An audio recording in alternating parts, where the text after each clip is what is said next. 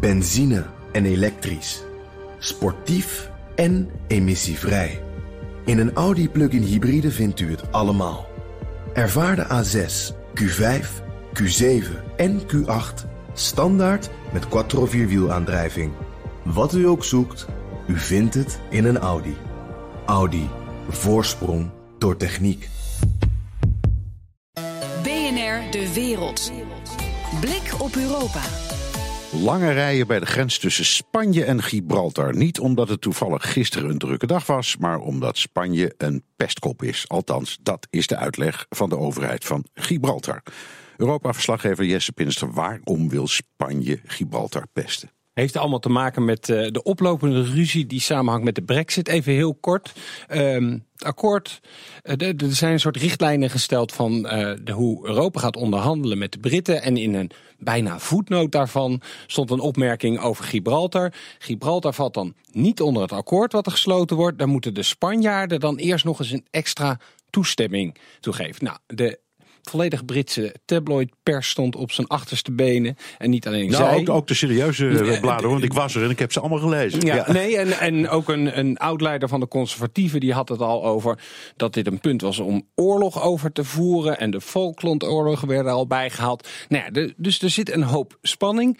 Uh, eventjes een zo'n kop inderdaad. Hands off our rock. De rock, Gibraltar. Nou, dat projecteren ze nu al op die rots zelf in Gibraltar. Dat doet de Sun, dan de, de Britse tabloid.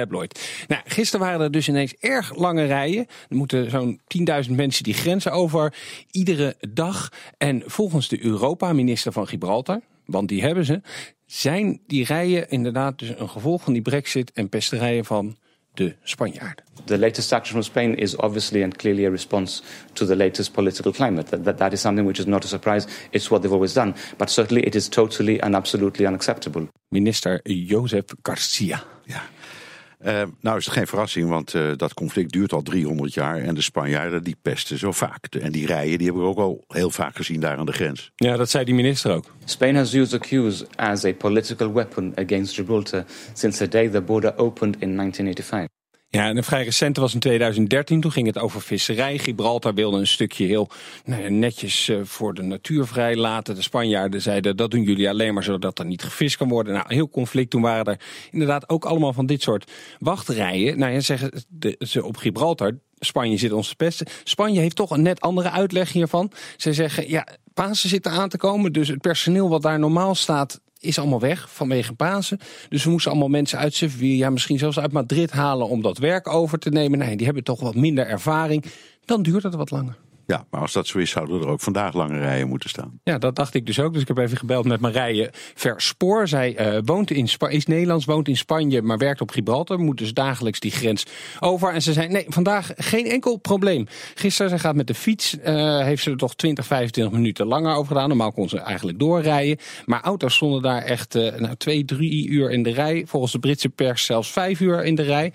Vanwege dus die strenge controles op identiteitspapieren. En Marije Verspoor, zij vertelde mij ook van... ja, ik verwacht toch morgen dat het misschien wel weer gaat gebeuren... want dan is het vrijdag en als je wil pesten... dan moet je het natuurlijk op vrijdag doen als iedereen snel naar huis wil. Dus dan heb je ze pas echt. Dus nou, de geruchten die gaan daar uh, in, de, in de ronde.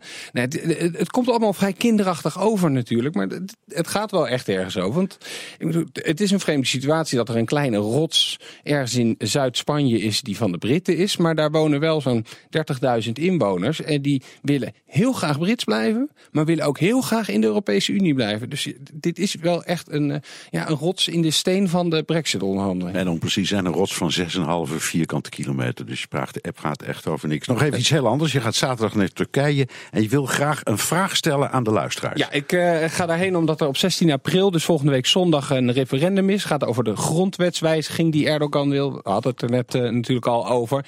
Dus ik zal daar inderdaad naar verkiezingsrallies gaan van de AKP, de partij van Erdogan, maar ook de MHP, de vrij rechtse nationalisten, kwam ook al eventjes uh, ter sprake. Maar naast dat ik daar een aantal radioreportages ga maken, wil ik ook een aantal vlogs maken waarin ik de vragen van luisteraars wil beantwoorden. Dus vragen over Turkije, het referendum, over de relatie met de Europese Unie. Stuur ze op, kan naar BNR De Wereld, de Twitter-account, maar ook naar mijn e-mailadres europa.bnr.nl. En dan volgende week zet ik de vlogs online met de antwoorden. Misschien krijgen we wel een vraag van mij. Dankjewel, Europa-verslaggever Jesse Pinster. Benzine en elektrisch. Sportief en emissievrij. In een Audi plug-in hybride vindt u het allemaal. Ervaar de A6, Q5, Q7 en Q8 standaard met quattro vierwielaandrijving. Wat u ook zoekt, u vindt het in een Audi. Audi. Voorsprong door techniek.